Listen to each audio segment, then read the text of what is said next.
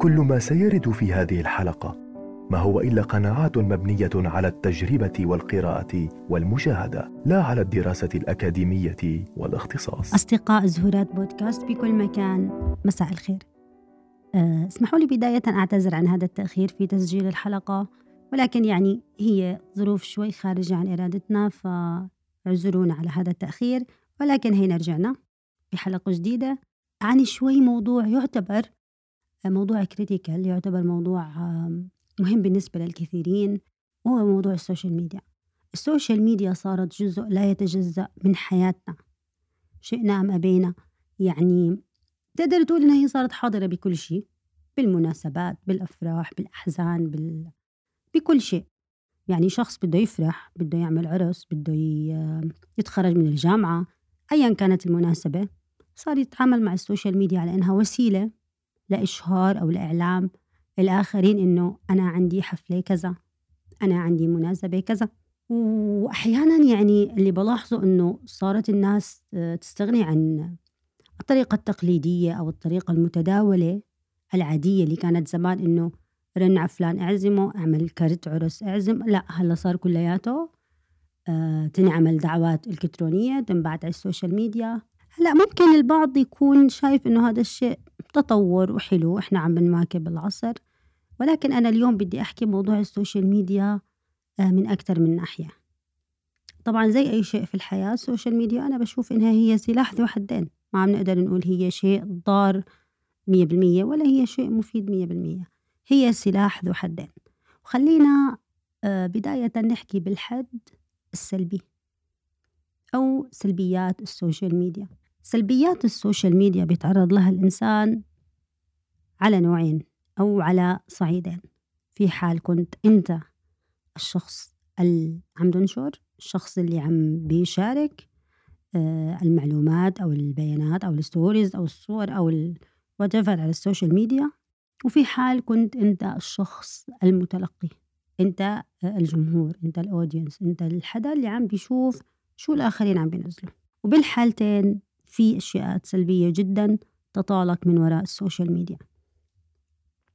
خليني بداية أحكي في حال كنت أنت الشخص اللي عم بنشر. أول شغلة أنا بشوفها من وجهة نظري سيئة بموضوع النشر إنه أنت فقدت الخصوصية. بلاحظ مرات يعني في أشخاص مجرد ما يصحى من النوم آه، صباح الخير أنا صحيت. آه، صباح الخير أنا رايحة أفرشي أسناني. صباح الخير أنا دورت السيارة. صباح الخير أنا وصلت الشغل. صباح الخير اليوم صار معي مشكلة بالشغل. اليوم اتطوشت مع مديري. اليوم زميلي اللي جنبي مش عارف شو عمل. اليوم وصلني ورد من فلان. اليوم طب ليش؟ طب هاي حياتك الخاصة يعني حياتك أنت. ليش عم بتشاركها مع الناس؟ هلأ أنا بفهم إنه إحنا مثلا ممكن تكون حياتك ماشية بشكل طبيعي. شغلة واحدة مثلا خلال الأسبوع غريبة حبيتها. تقول يلا بدي أشارك بدي بعمل صورة. أوكي بس ما تكون عادة عندك. ما تكون عم بتشارك كل إشي. عم تفقد ملكيتك لحياتك. عم بتصير وكأنك عم تيجي تجيب عيون الناس كلها على حياتك. وبالآخر تيجي تقول لي الناس ليش بتتدخل؟ الناس ليش عينها في حياتي؟ والله يعني أنت تيجي تحط تحط شخص مثلا بغرفة وتشغل له مسلسل تطلع تسكر عليه الباب وتطلع. ترجع تقول له ليش حضرت المسلسل؟ يا سلام طب ما أنت مشغل لي إياه. إيش بدي أعمل مثلا؟ فأنت لا تيجي تعترض ليش الناس آه، داحشة أنفها بحياتي؟ ليش الناس عم بتسأل عني دايما؟ ليش الناس آه، آه، بتعلق علي؟ ليش؟ طب ما أنت حاطط عاطي الناس عاطي الناس permission عاطي الناس آه سماحية عاطي الناس ما بعرف شو ممكن تسميها عاطي الناس إنه اذا okay عاطي الناس اذا إنه آه تفضل شوف حياتي. آه ولك الحق تحكم عليها لك الحق تشوفها زي ما أنا أعطيك فرصة تشوفها إنه مثلا إذا أنا منزل story فيلا أنا أعطيك option آه أعطيني reply على ال story اللي أنا حاططها. اذا أعطيني رأيك في حياتي. أو أنا منزل صورة أعطيني كومنت اذا أنا أعطي أنا بدي رأيك في حياتي. فلا تيجي بعدين تتضايق تقول الناس بتتدخل. طب ما أنت عارض حياتك على الناس. عرض حياتك آه، ال 24 ساعة من أول ما تصحى لحد ما تنام. ليش متضايق إنه الناس عم تعطي رأيها بحياتك؟ والشغلة الثانية اللي أنا بتهمني أكتر صراحة هي موضوع ربط ربط آه، مشاركة الأحداث والأشياء على ال social media بالسعادة وشوي بالثقة بالنفس. كيف يا هنادي؟ شو هالفلسفة؟ أنا بقول لك كيف. أحيانا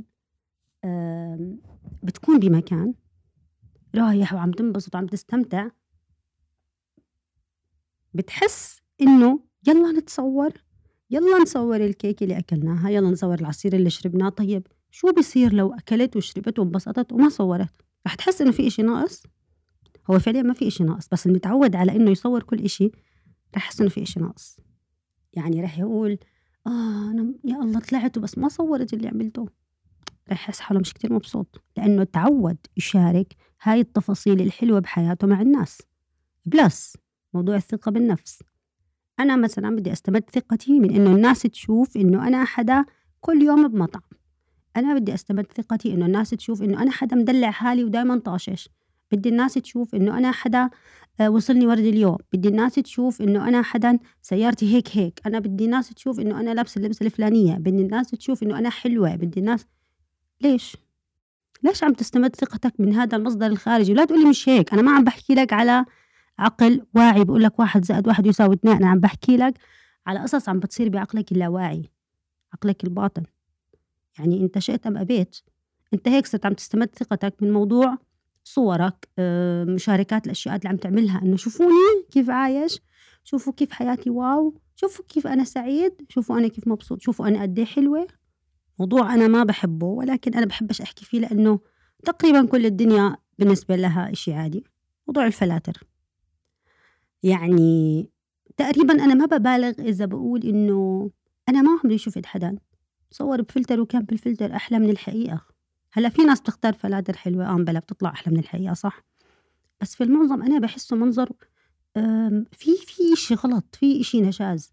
هلأ ممكن لأنه أنا عيني ما بتقبل منظر الفلتر أو ما بتقبل الرتوش اللي بيعملها الفلتر أو مرات بيكون التليفون المتصورين فيه مش كتير good فبيبين الفلتر نشاز. ما بعرف بس أنا بحس إنه في إشي غلط. فيا ستي فرضا فرضا آه، الصورة طلعت wow بالفلتر. كيف رح ترجع تقبل حالك بالصورة العادية بالكاميرا العادية؟ يعني أنا بلاحظ بس أجي أحكي لحدا يلا نتصور بس بالكاميرا العادية. لا شو بالكاميرا العادية؟ إنه هذا الطبيعي. هذا أنت.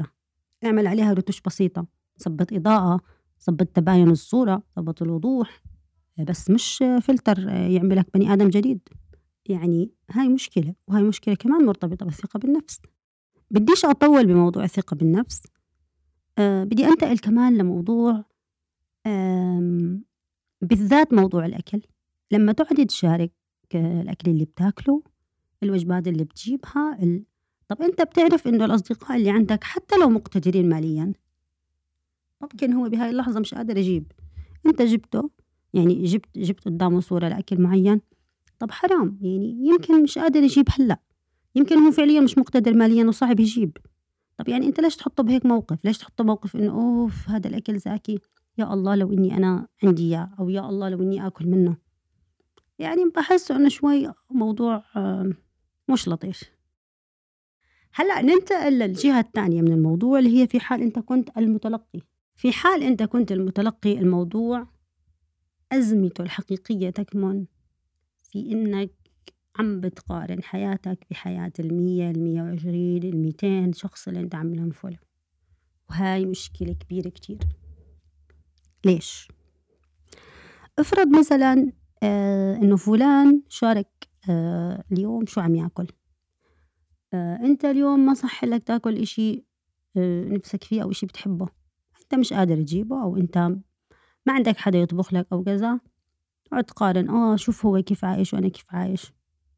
مثلا تقارن إنه يا الله كيف هي عم بتنزل صور ابنها؟ وأنا لسه الله ما رزقني بولد. اشمعنى يا الله كيف هي علاقتها بأصدقائها؟ ويا الله أنا وحيد ما عندي أصدقاء. هذا الحكي يعني شغلات كتير. بتضلها تفوت براسك وتعمل تعمل طاقة سلبية تعمل أفكار سلبية تعمل مقارنات سلبية. وهذا الإشي كلياته عم بيزيد عم بيزيد عم بيزيد عم بيزيد من من معاناتك من الكآبة اللي عندك اللي غالبا بتكون غير مبررة يعني. فجأة بتكون قاعد تلاقي حالك منكد. طب ليش منكد؟ ما في إشي ينكدني. آه لا في. أنت تصفحت social media وقارنت حياتك بفلان وبفلان وبفلان وبفلان اكتشفت إنك أنت مش عايش. مع إنك لو تصفن فيها صح هدول الناس عم بيشارك دقايق من حياته بس أنت ما شفت باقي حياته. عم بيشاركك بالاشياء الحلوة ما عم بيشاركك بباقي الأشياء. يعني ما شاركك إنه امه وابوه عم بتطاوشوا اليوم ما شاركك إنه امها عملت معها طوش الصبح. آه، ما شاركتك إنه مديرها بعت لها إيميل آه، إنذار. ما ما شارك كل هدول بس شاركتك انه هي أكلت اليوم آه، وجبة wow. شاركتك إنه هي اليوم لابسة لبسة wow. شاركتك إنه اليوم وصلها ورد شكله حلو. فأنت شفت إنه آه wow وحياتها ماشية perfect مش زي حالاتي ابصر شو لا لا لا. ف بحس إنه هذا الإشي يمكن أحد أسباب الحزن والقلق والتوتر بديش أقول اكتئاب يعني كلمة اكتئاب شوي كبيرة على الموضوع بس يعني أحد أسباب الضيق اللي عم بيعاني منها الشباب حاليا. فقد ما بتقدر تخفف من هدول الأشياء يعني في مثلا البعض بيشوف إنه ما في داعي أتصفح ال stories ال stories اللي هي فيها اليوميات. مثلا بقول لك ما في داعي يكون عندي سناب شات حتى أشوف فلان وفلانة وإكس وزد وواي كل تفصيلة من تفاصيل يومه. ال wall أو الصفحة الخارجية اللي بينزل عليها الأشياءات بتنزل صورة مجرد صورة ما بيشاركك يومياته نادرا يعني. هذا الشيء مش مش وارد إنه يشاركك يومياته. فبتكون عادي بتشوف فلان إنه آه ياي like comment لطيف خلص بس أنت ما دخلت بحياة فلان وفي حياة علان من خلال ال stories. فهاي شغلة يعني ممكن تساعدك إنه عشانك بالدرجة الأولى مش عشانهم. فهاي الجوانب السلبية. بس خليني عشان أكون منصفة نحكي عن ال عن ال عن الجوانب الإيجابية. وأنا صراحة بشوفه جانب جانبين جانبين إيجابيات. الجانب الأولاني والأهم هو إنه قرب لبعيد. إحنا ما بننكر إن ال social media قربت لبعيد. صرت أنت قادر تتواصل مع أشخاص كانت زمان المكالمة العادية إذا بدك تحكي معهم تكلفك مبلغ كتير كبير هلأ بتحكي معهم ببلاش. أيا كانت الطريقة سواء بدك تبعت record سواء بدك تحكي call سواء video call سواء ايا كان typing أي شيء. بس أنت صرت مثلا إذا عندك أخ مسافر برا بتقدر كل يوم تحكي معه وكل يوم تشوفه. هاي شغلة كتير منيحة عملتها ال social media الشغله الثانية خلتك على مقربة من ناس مختصين. يعني زمان ما كان بسهولة أنت قادر يكون عندك اتصال مثلا بعالم فيزياء بدكتور فيزياء بجامعة معينة. إلا إذا كان دكتورك وبتعرفه وبتشوفه وقت المحاضرة وبس. أو شخص تشتري له كتاب أو شخص تستنى برنامجه على على التلفزيون أو إذا منزل عنده قناة على اليوتيوب. هلأ بكل سهولة تعمل أشخاص معينين follow بيصيروا دائما تشوف شو بينزلوا شو بيحكوا شو بيقدموا نصائح. قادر يكون عندك life coach ثلاثة أربعة خمسة life coach ثلاثة أربعة خمسة relationship coach ناس لطيفين مثلا بيقدموا محتوى دمه خفيف بتشوفهم دائما بيعملوا لك mood لطيف.